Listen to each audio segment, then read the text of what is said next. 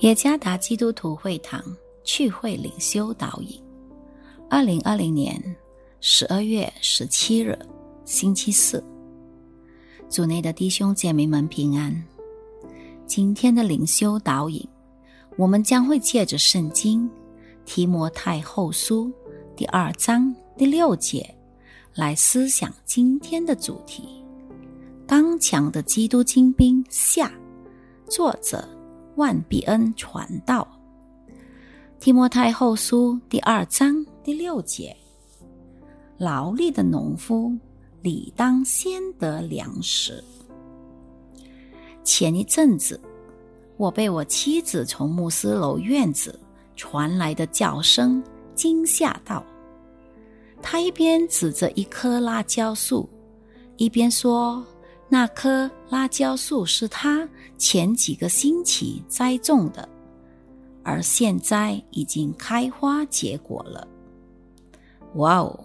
我看到他脸上的那副自豪的表情，因为能享受自己辛劳后的杰作。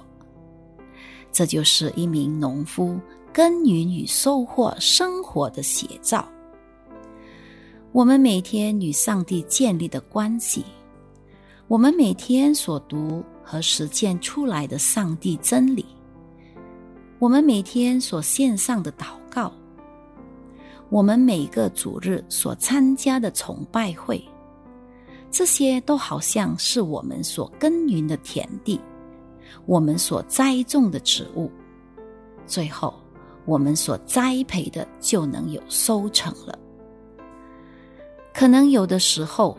我们读经时觉得乏味，或者觉得我们的祷告不蒙上帝垂听，我们也可能会觉得参加崇拜会或者团契只是在浪费时间而已。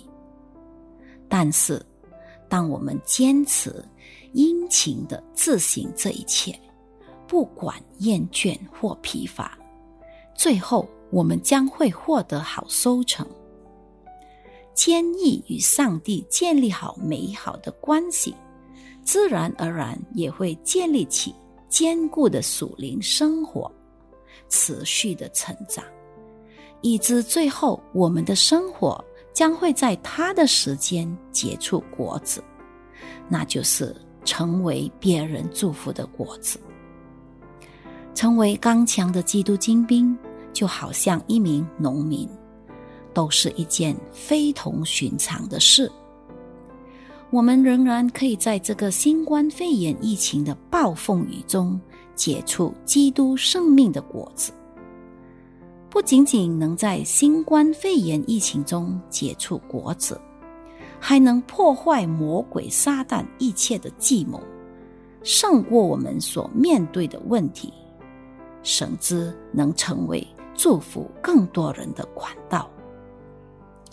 靠着把自己生命专注在上帝，在上帝面前守纪律，以及殷勤与他建立好关系，那我们必定能成为刚强的基督精兵，来荣耀上帝。